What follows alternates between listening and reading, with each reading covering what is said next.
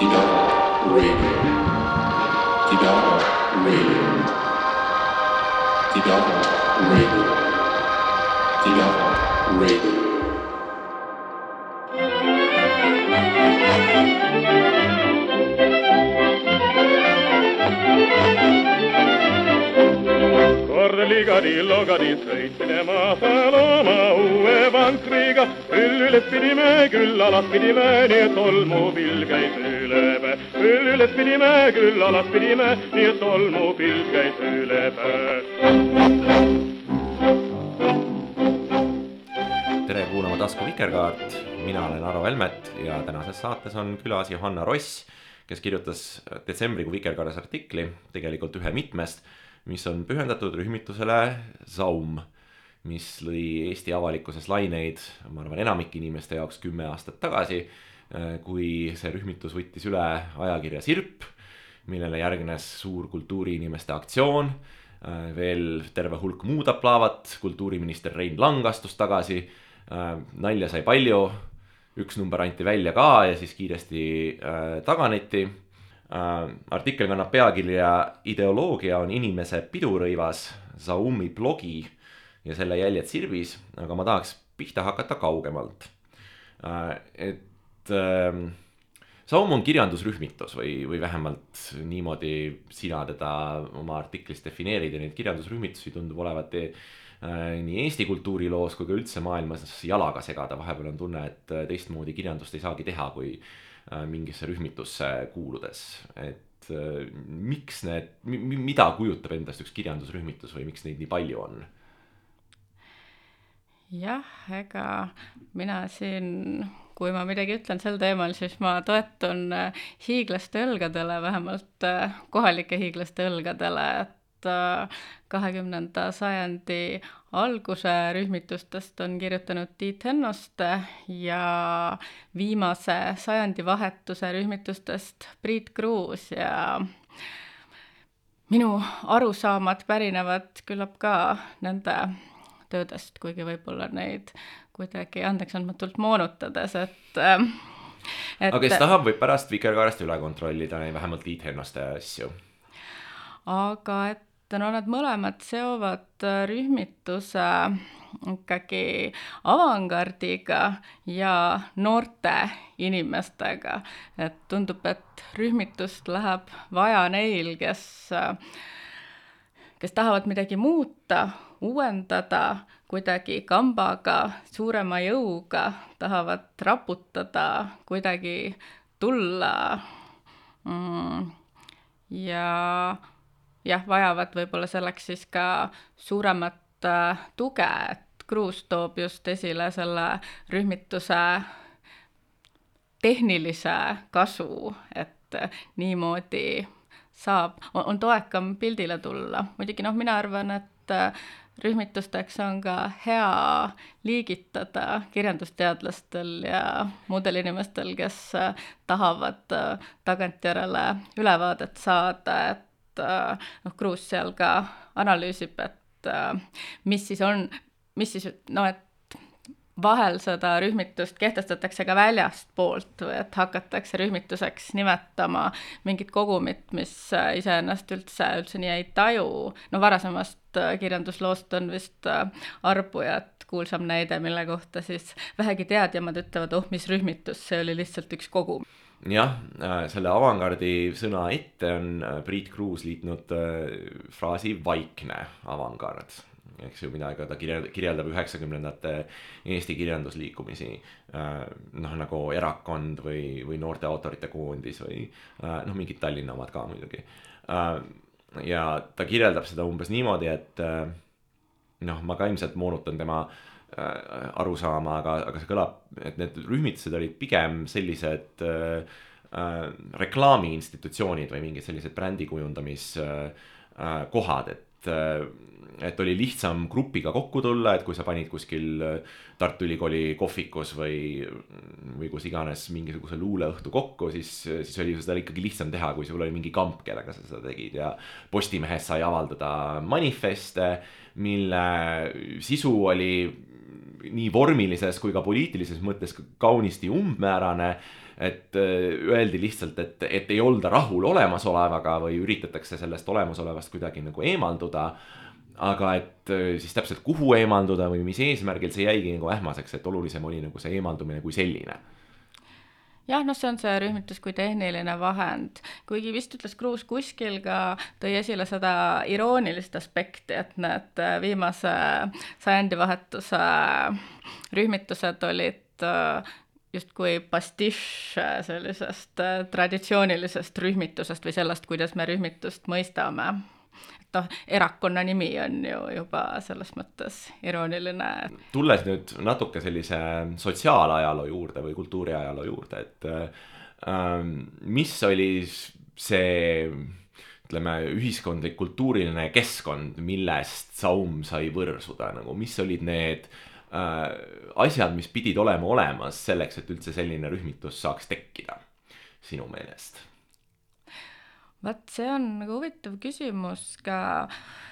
Äh, jah, on, ei ole tüütu, kui keegi hakkab jaurama dateerimisest, aga, aga no et mis ma Kruusi tööd lugedes mõtle, üle lugedes mõtlesin, et tema seobki Zaumi mm, tekke selle Sirbi skandaaliga ja minu meelest kirjeldab rühmituse tekkimise tingimusi ka selle noh, toonase ta kirjeldab seda toonast äh, poliitilist kliimat ja reaktsioone sellele, ta rahulolematust äh, teatud, äh, ma ei tea, võib-olla vasakpoolsemate või intellektuaalsemate gruppide seas rahulolematust Reformierakonna valitsusega, sellist stagnatsiooni meeleolu, neid proteste aitab valelikust poliitikast. harta kaksteist ja Reformierakonna rahastamisskandaal ja kõik see jah, ja ja noh, kogu selle Xiaomi tuleku ja reaktsioonid sellele, tema seob sellega, aga kuna mina noh, teatud määral tundsin neid Xiaomi tegijaid ja teadsin juba mitu aastat, et nad on olemas ja niisugust blogi teevad, siis äh, minu jaoks olid nad tekkinud juba, juba tükk aega varem ja, ja millestki muust, aga noh, loomulikult äh, ühiskondlik-poliitiliste tingimuste järele saab alati küsida. Ja noh, siin on minu meelest päris äh, hästi kirjeldanud äh, Saumi põlvkondlikust aspektist Ave Taavet, kui ta äh, arvustab, ma kardan, et samuti Vikerkaares, nende nüüd tohutu kuulsaks saanud äh, arvutimängu Disco Elysium mm,, kus ta räägib sellest, et äh, tegu on ühelt poolt ühena vii-, ühega viimastest põlvkondadest, kes noh, on ütleme, on Nõukogude Liidus sündinud, natuke seda võib-olla mäletavad, kes tunnevad suhet idaeuroopalikkusega ja teiselt poolt äh, ühe ka esimestest põlvkondadest, kes on siis need digitaalsed pärismaalased või kelle jaoks internet ongi loomulik keskkond, äh, loomulik äh, suhtlusviis on kirjalik, kirjalik suhtlus internetis, et sellest võrsub niisugune mm, noh, huvitav kombinatsioon oma, omalaadi põlvkond, kelle elutunnetust siis edasi antakse. ja noh, mis ma ise seal artiklis natuke mõtlesin, et sealt, mis sealt blogist tundub, on, on ikkagi rahulolematus äh, selle, sellega, mida nüüd äh,, nüüd osatakse juba ka peavoolus kergema käe ja lahtisema suuga kritiseerida kui äh,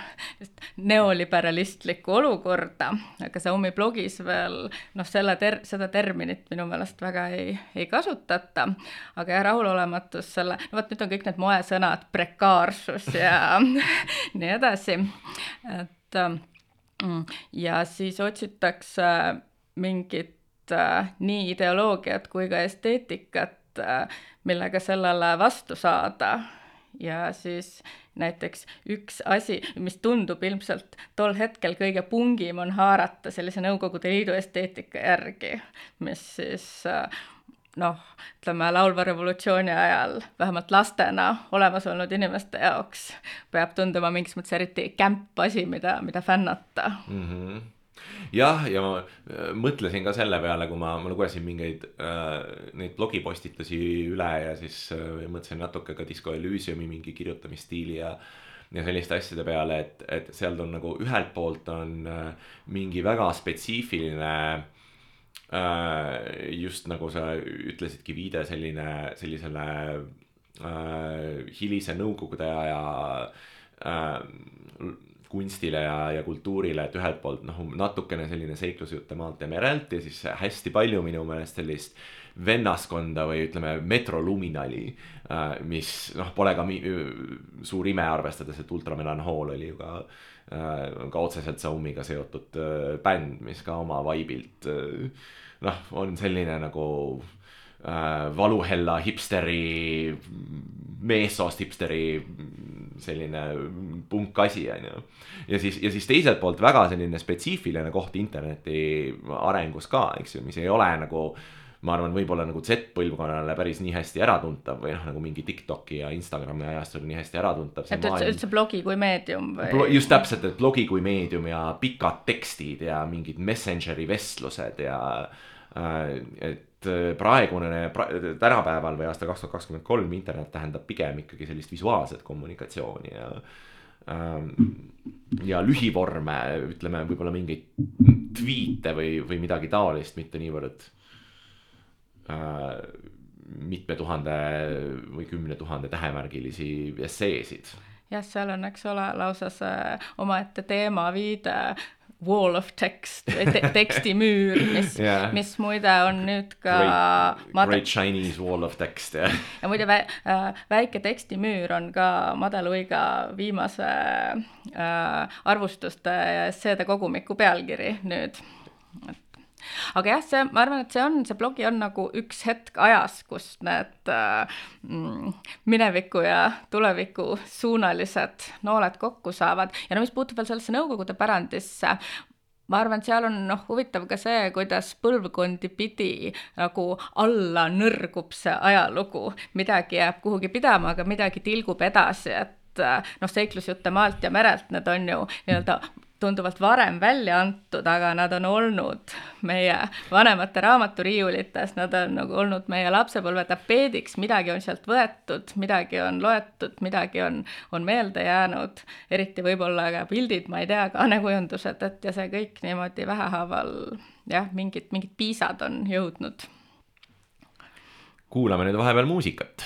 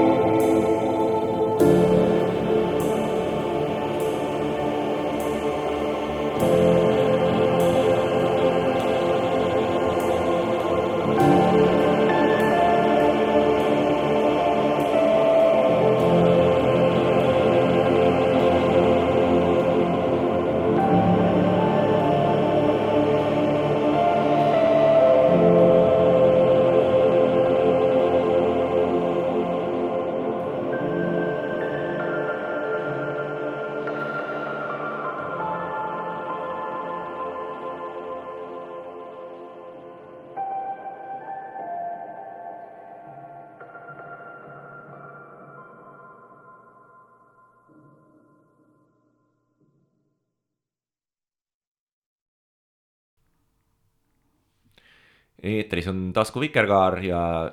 saatekülaline on Johanna Ross, me räägime äh, Tsaumist, kirjandusrühmitusest, blogist, äh,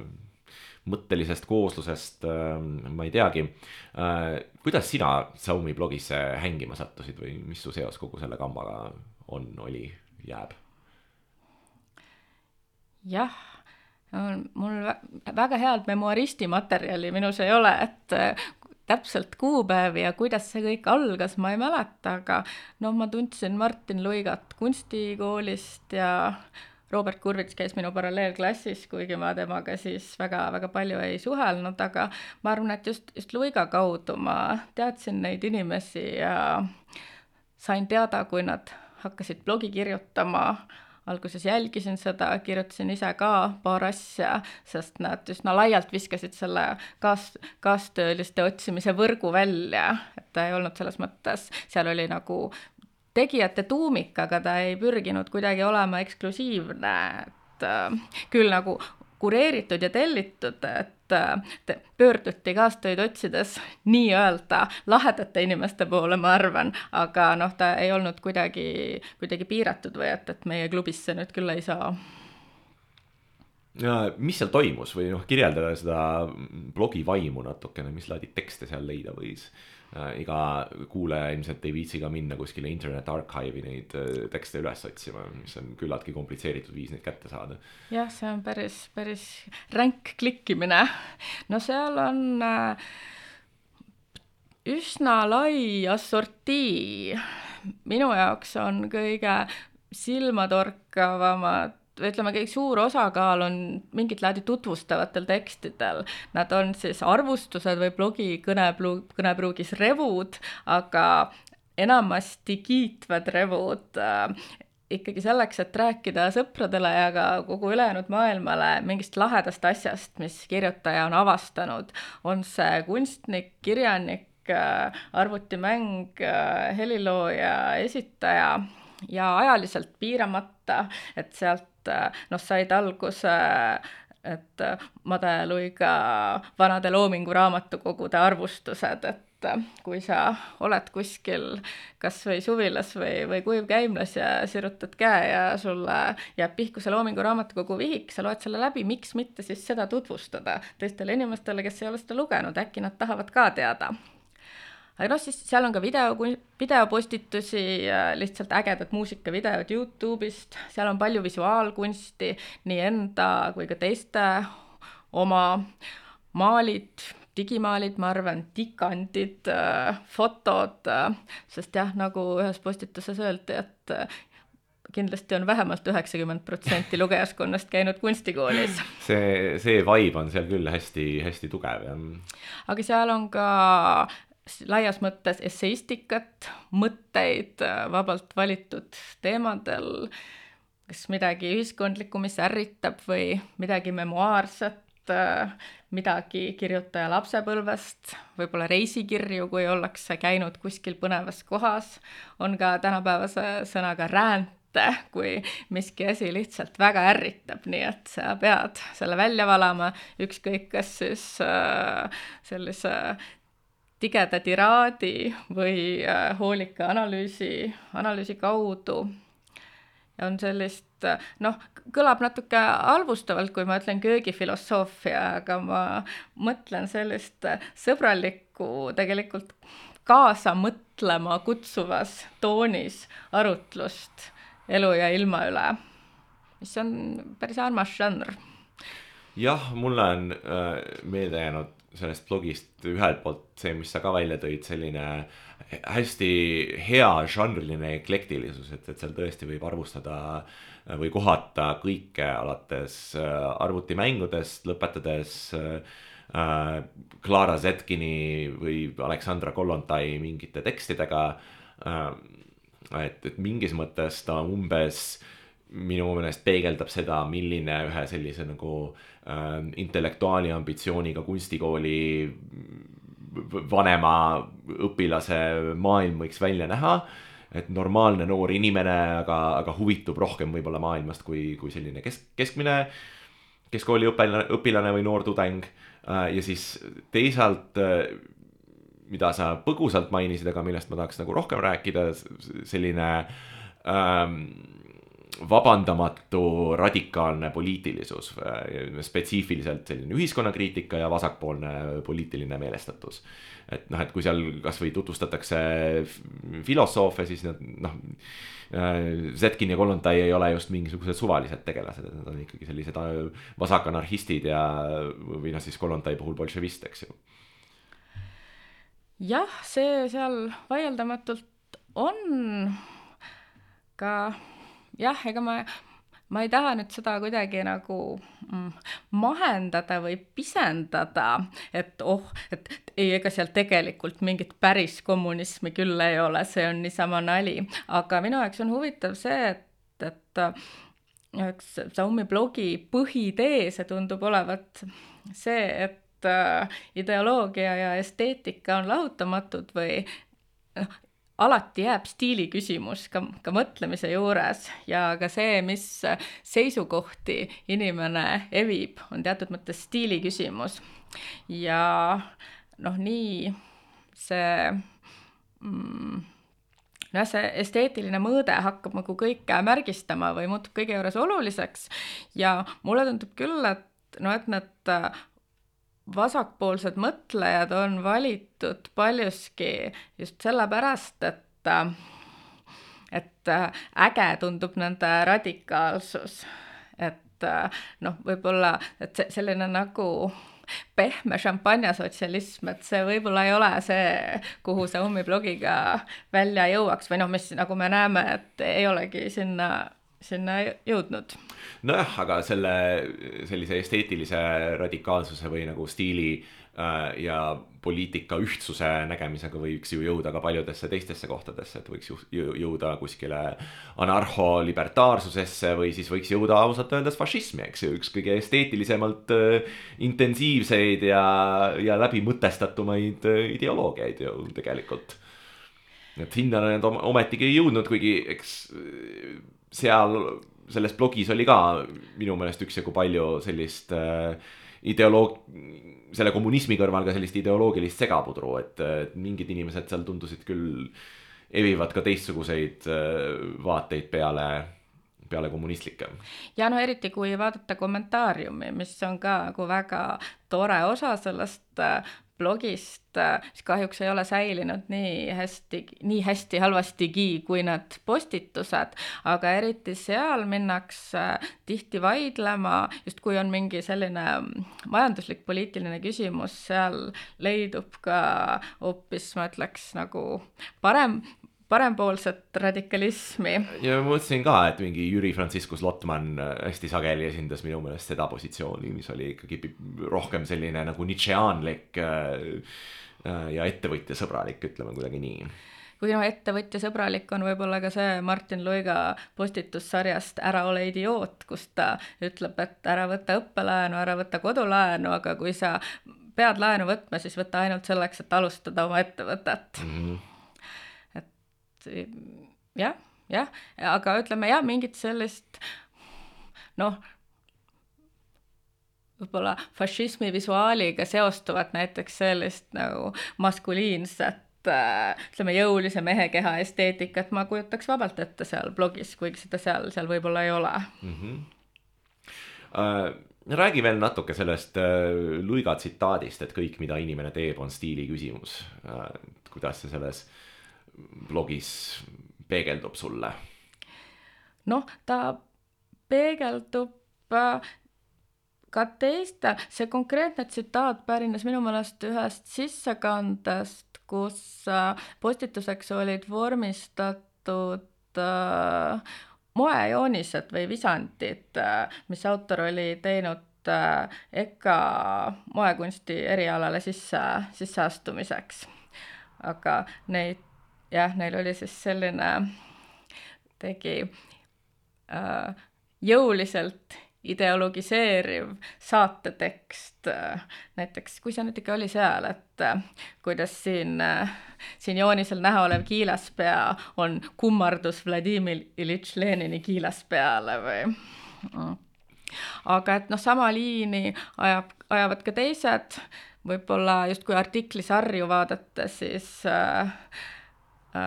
Robert Kurvitsa sari mõttevooludest kahjuks küll ainult kolmeosaliseks äh,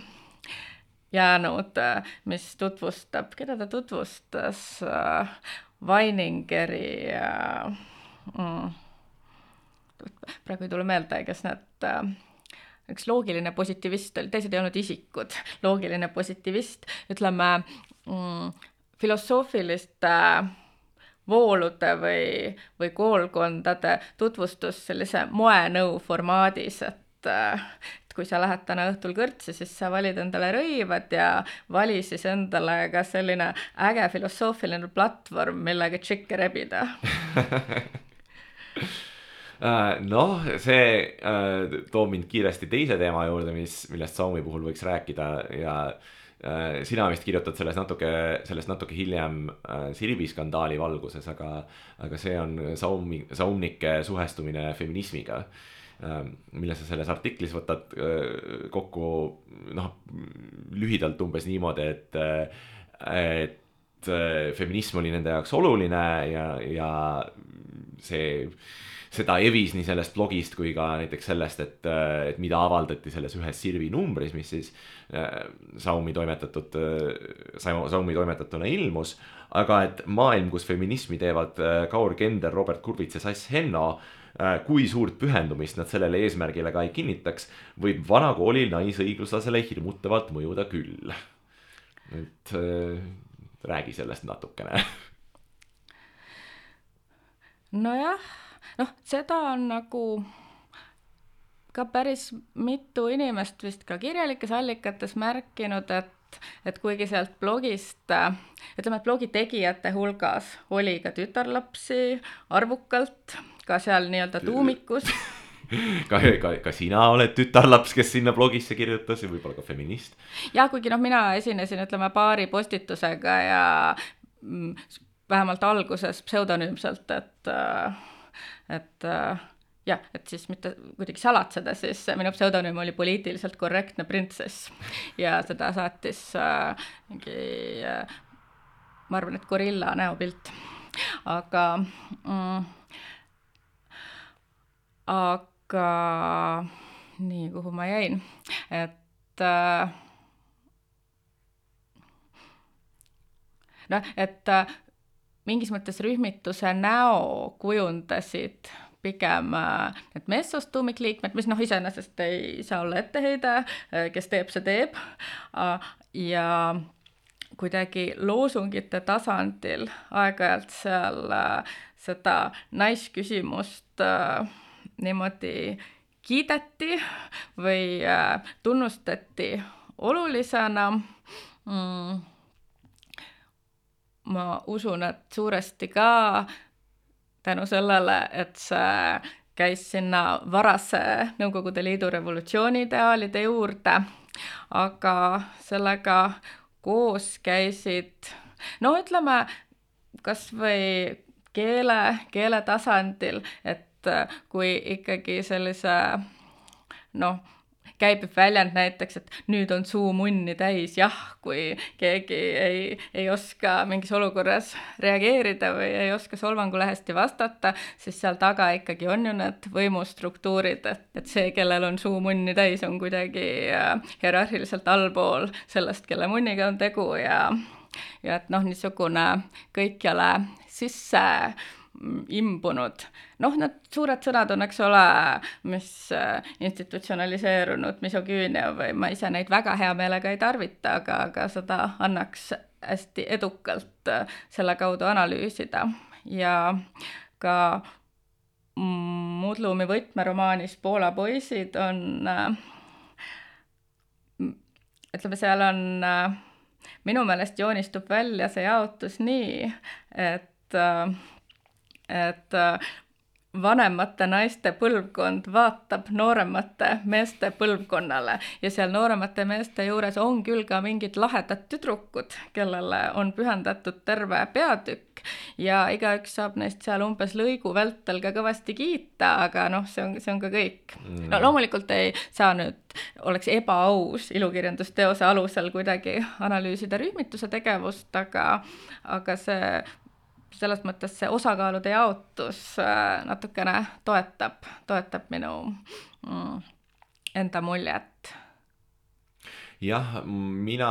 hakkasin mõtlema selle fraasi valguses ka Piret Karro arvust selle nihilisti kogumikust, mis on küll juba natukene teine üritus, aga ikkagi seal oli väga suur hulk äh, saumnikke ka tegevad ja kus ta ähm, noh, ühesõnaga kritiseerib seda sellist ähm, äh, kunstniku geeniuse või selline noh, sedasama nagu stiili üle kõige kujunda oma elust kunstiteos äh, lähenemist, mis on äh,, mida on hästi lihtne teha, kui sa oled selline karismaatiline meesisik, eks ju, kelle kellelt eeldataksegi nagu algusest peale, et ta on äh,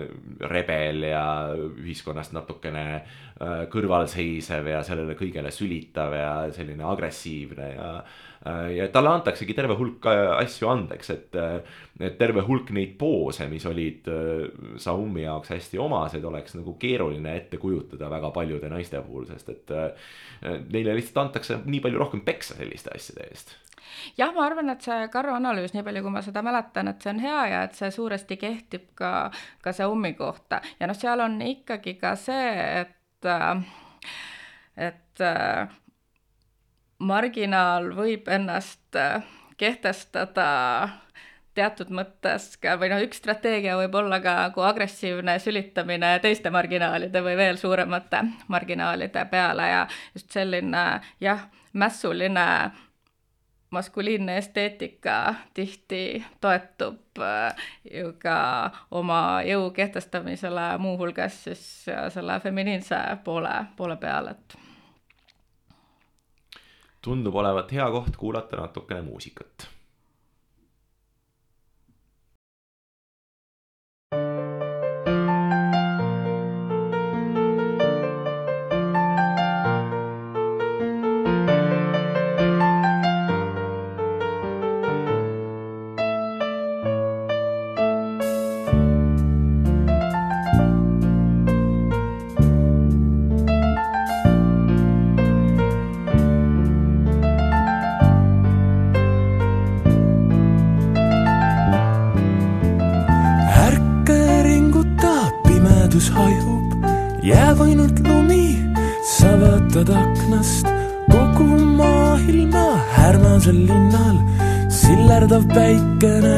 päästab silmi.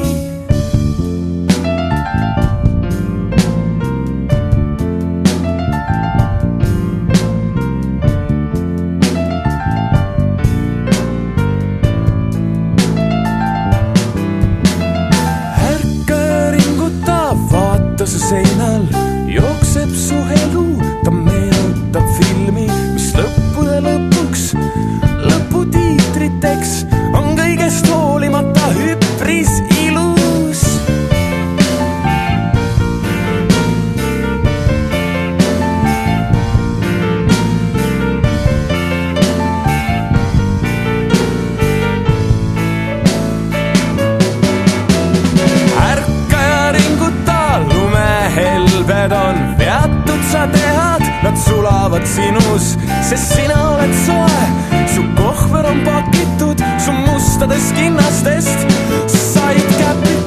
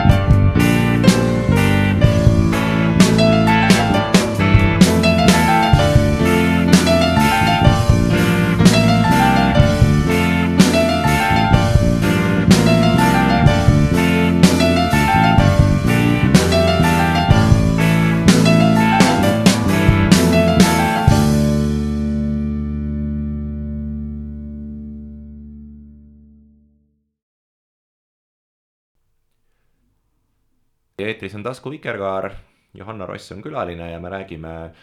Zaumist kirjandusrühmitusest äh, ja nende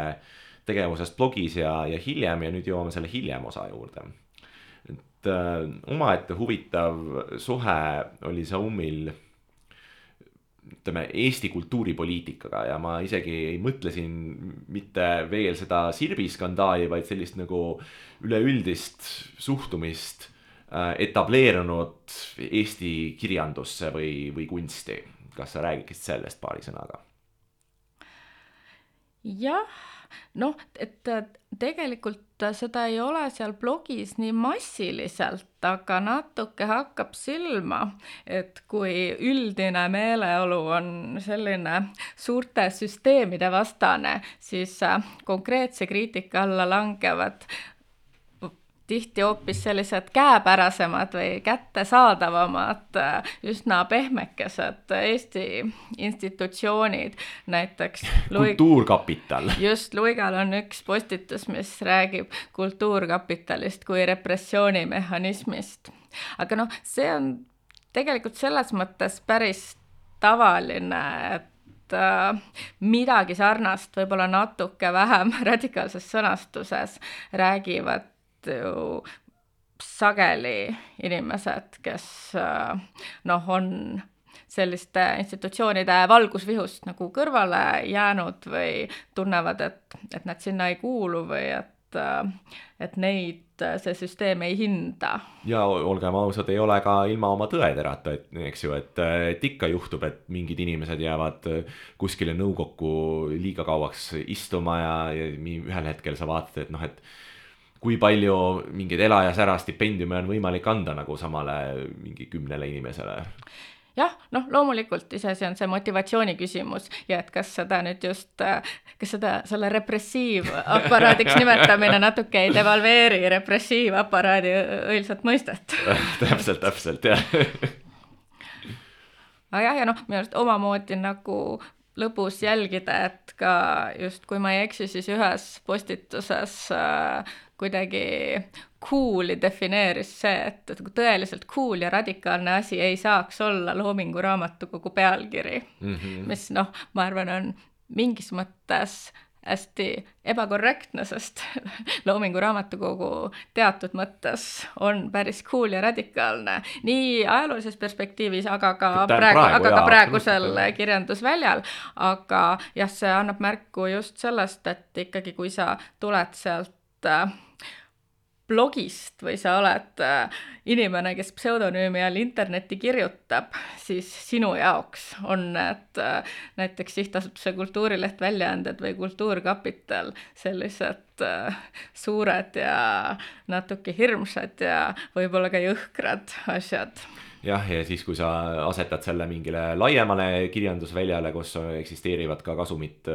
taotlevad kirjastused ja, ja asjad, mis publitseerivad äh, Äh, mingeid soolestiku äh, seiklusi Vol kakskümmend seitse tuhat ja äh, aga ka sellist nagu laiatarbe jututekste siis Loomingu Raamatukogu, mis tõlgib keeltest, kus, kust Eestisse väga palju asju ei tõlgita ja, ja müüb neid kolm neljakümne eest, see on ikka omaette kõva sõna, on ju. et, et see laiem majanduslik süsteem on, on hoopis teistsugune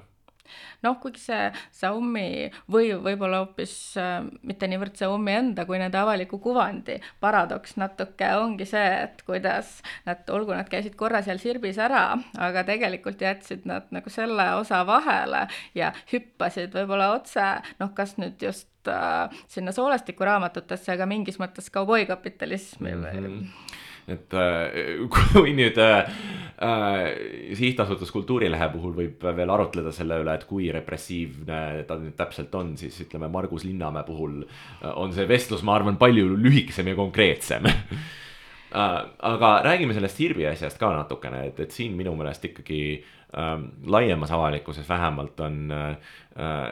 sellest sihuke õnnetult nagu vale või äh, ja ka võib-olla natukene hale mulje jäänud, et Äh, et suuresti mäletatakse seda, et äh, terve hunnik kultuuriinimesi kleepisid oma suud kinni ja siis postitati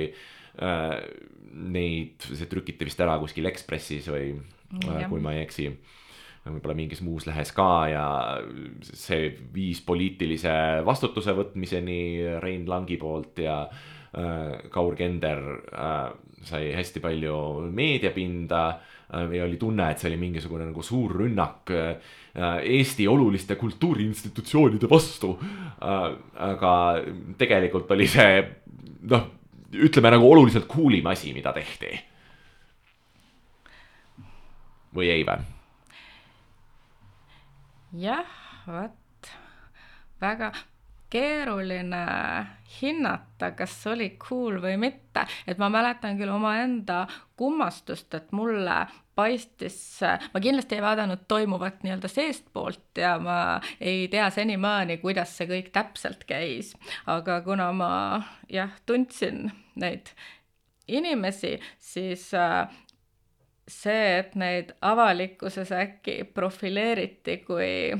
esiteks Reformierakonna käsilasi ja. ja teiseks selliseid täiesti nagu juhme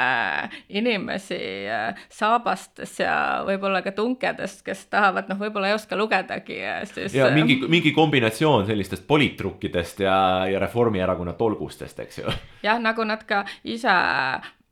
ühes avalikkusele suunatud tekstis esile tõid, et, et see, et neid korraga süüdistatakse nii äh, noh, vasakradikaalsuses kui ka reformierakondlikkuses, et see mingis mõttes näitab, kui, äh,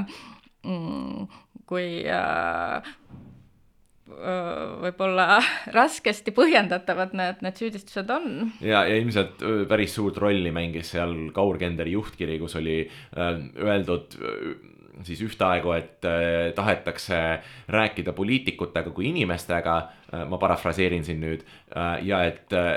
et tahetakse äh, jällegi ma pean parafraseerima, ma ei kirjutanud seda tsitaati välja, aga, aga umbes, et, äh,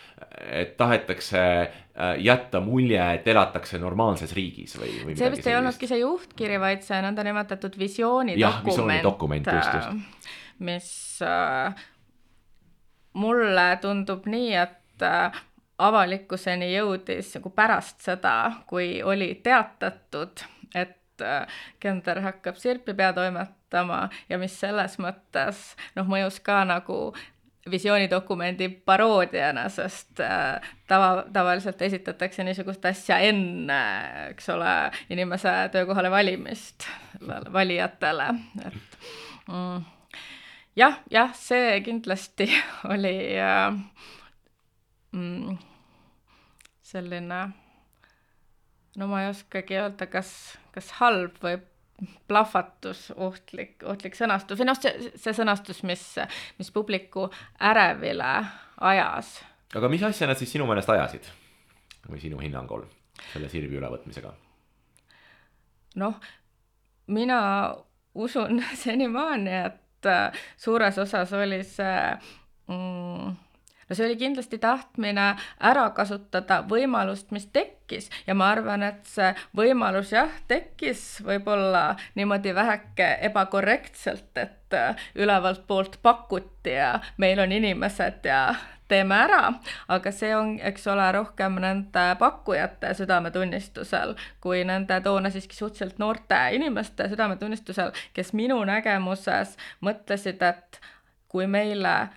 antakse meediumi, eks me siis näitame, mis me sellega teha saame, et me oleme teinud blogis põlve otsas kultuurikriitikat, meile tundub, et meil on midagi öelda, me oleme noh, näidanud äh, sõnades, mis on meie meelest halvasti ja valesti. Ja miks siis mitte näidata, kas me oskame seda ise paremaks teha. Meil on natukene kogemust sellise veebiväljaandega, et äh, miks mitte siis proovida nüüd paremate tööriistadega, nüüd kus meil on äh, hästi võimalus seda sõnumit viia hoobilt palju, palju suurema publikuni. et noh, seda võib pidada muidugi mingis mõttes arrogantsuseks äh, ja mingis mõttes ka suureks julguseks ja noh, kuna Sirpi anti välja selles koosseisus ainult üks number, võib ju ka irvitada, et see kukkus läbi, aga mina küll tahan uskuda, et seal oli ka selline täiesti siiras tahtmine teha siis seda kultuuri nii, et normaalsem oleks mm. -hmm ja nagu sa ka juhid tähelepanu, ei ole võimatu, et see mingis mõttes ka õnnestus, sest et et ega need sirbid hilisemalt on ka natukene teistsugused välja näinud, isegi kui siis sellel hetkel see repressiiv aparaat võitis, noh, mida, mis ta, mida ta mingis mõttes või noh, vähemalt nagu institutsione-, institutsionaliseeritud asutus see Sirpi on, et, et suures osas, miks see reaktsioon nii tugev oli, oli selles, et, et see ongi ajakiri, mis ei ole määratud olema mitte mingi ühe rühmituse häälekandja, vaid sellise nagu Eesti kultuurivälja ühisvara või nagu mitmekülgsuse kandja ja, ja mingis mõttes ka nende insti-, institutsioonide püüneasetaja. ja siis need institutsioonid hakkasid mässama selle ülevõtmise katse vastu. nojah, see on see, et, et kust sa vaatad, et see hommikutele tundus enne, et äh,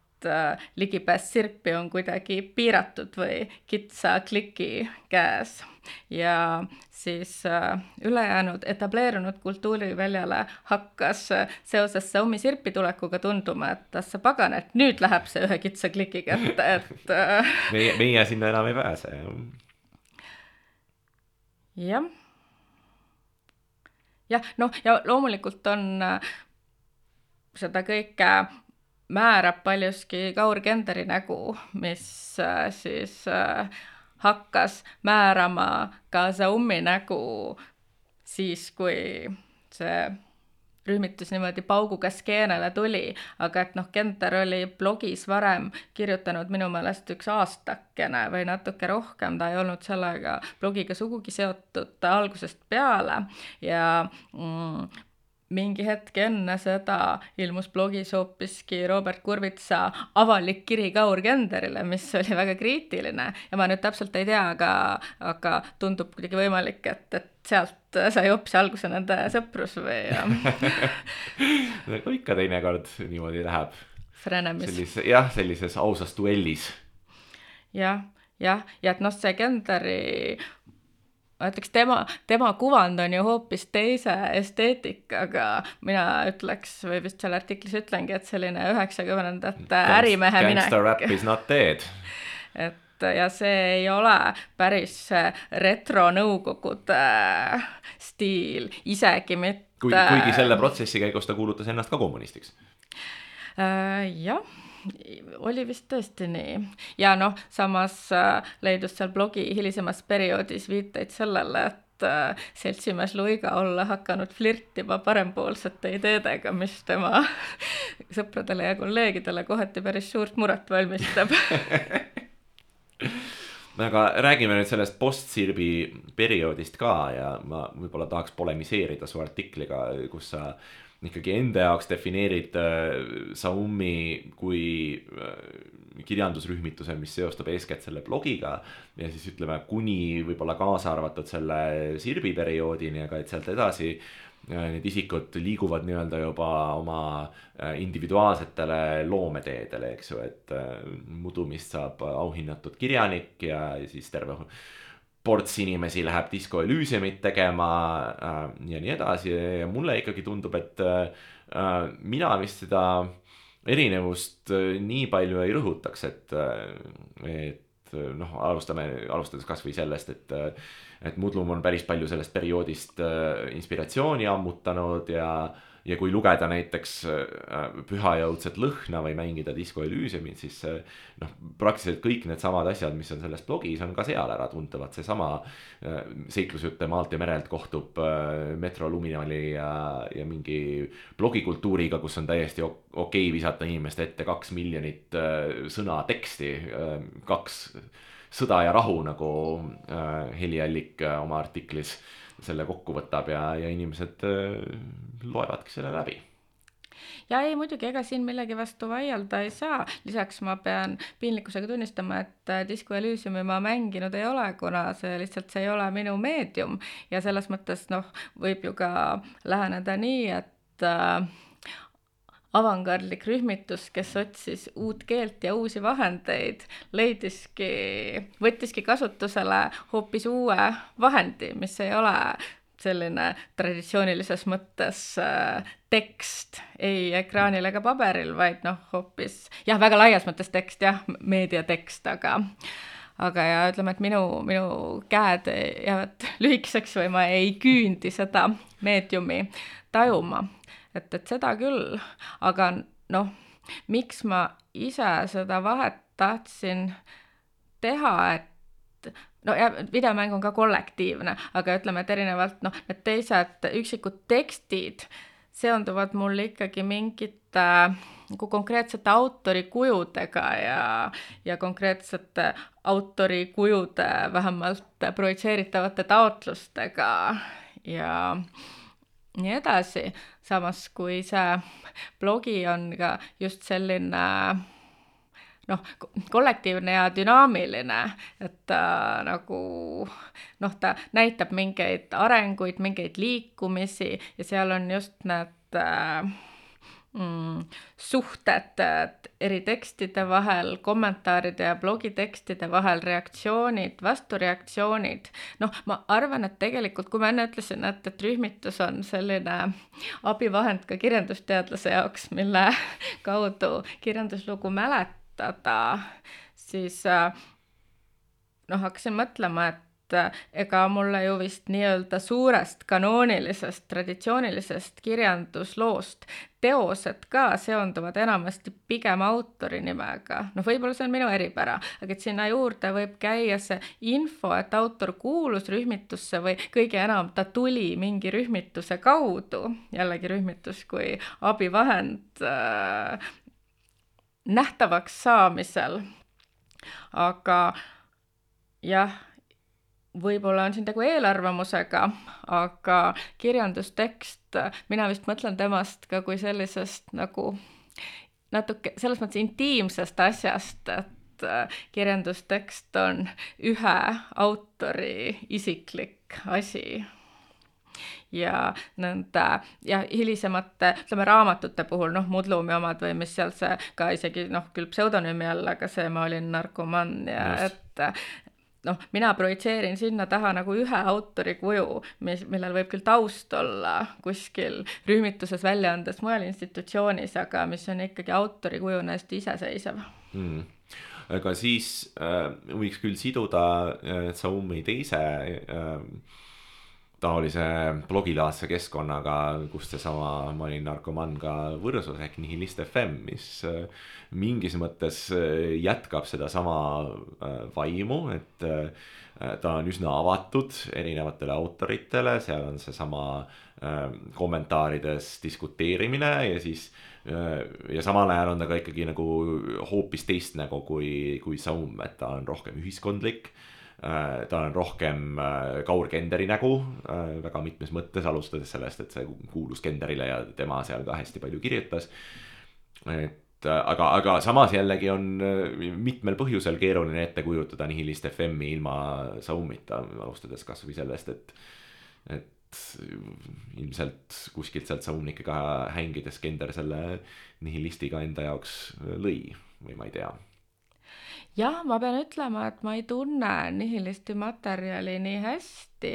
ja võib-olla on see lihtsalt isiklik eelistus, et kui, et Nihilisti ma ei jaksanud enam jälgida, seal oli see tekstide tulv ju ka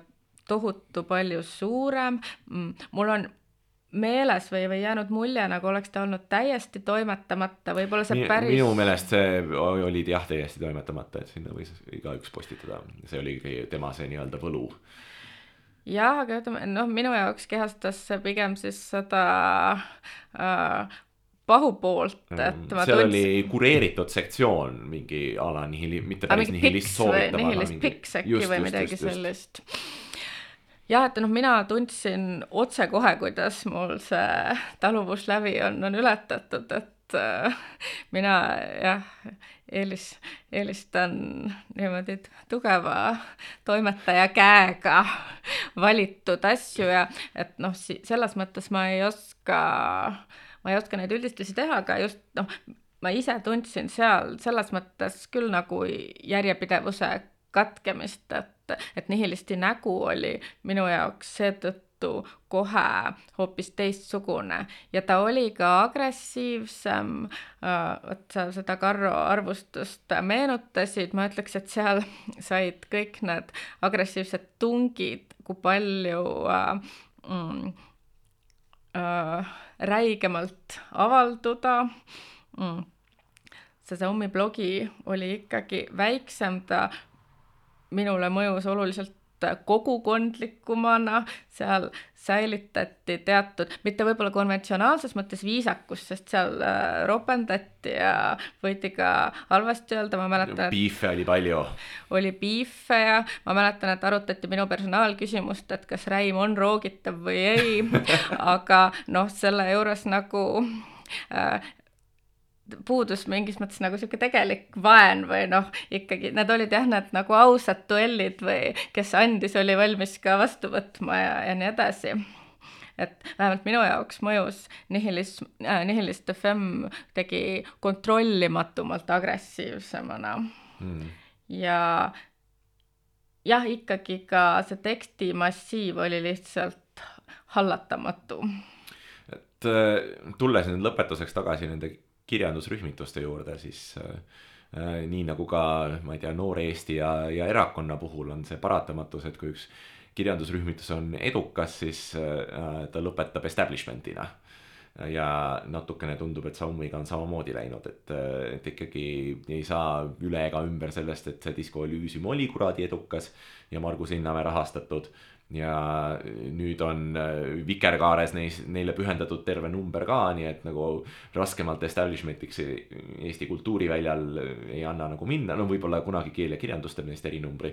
et, et siis oleks veel üks level veel etableerunum. teaduskonverents. jah, täpselt, täpselt, et siis, siis võib endale teki peale tõmmata ja hakata surnuaia poole liikuma. jah, aga noh, see on vist äh, paratamatu ja noh, see on see, mida ärksamad võib-olla varem ja minusugused natuke hiljem avastavad, et need eriti hallid äh, nimed, mida sa kuskil koolitunnis tuupinud oled, on sinna neetud õpikusse ka kirja pandud just sellepärast, et nad olid kunagi eriti ägedad ja noored ja eriti radikaalsed. noh, mõtlesin selle peale ka siis, kui toimus just nimelt teaduskonverents Peeter Sauteri Indigo ilmumise, kes kahe, kahekümne viienda aastapäeva puhul, et, et äh, jah, kuigi noh, ega Xiaomi puhul no mingis mõttes on äh, ütleme, videomängude establishment'i kuulumine ikka veel nagu natuke alternatiivne. see ei ole nagu päris äh, mingisugune äh, vastuvõtt kuskil või ma ei tea, eeskavaga kontsert Estonia saalis või. ja aga, aga anname sellele mingi kaks aastat veel ja mul on tunne, et me ka natuke ülehindame seda, kui establishment äh, ta, ta, ta ei ole nojah, ei, väga võimalik, väga võimalik, sest see on mulle täitsa võõras, võõras valdkond. noh, ja ärme unustame muidugi Mudlumit, kes on ka sellises vanakooli establishment'is kenasti kanda kinnitanud ja no mi- minu meelest õigusega. mm. -hmm. nii et äh, siis äh, valame klaasi konjakit ja võtame. süütame sigarid. jah, ja, ja kandlekommi või midagi ja tervitame juubilare. Aitäh vestlemast, Johanna Ross, mina olin Aro Velmet ja kuulasite Tasku Vikerkaart. järgmine kuu uued teemad, uued külalised, kõik seesama, kuulate meid Ida raadios ja erinevates taskuhäälingu formaatides, kust iganes meid leiate. head aasta lõppu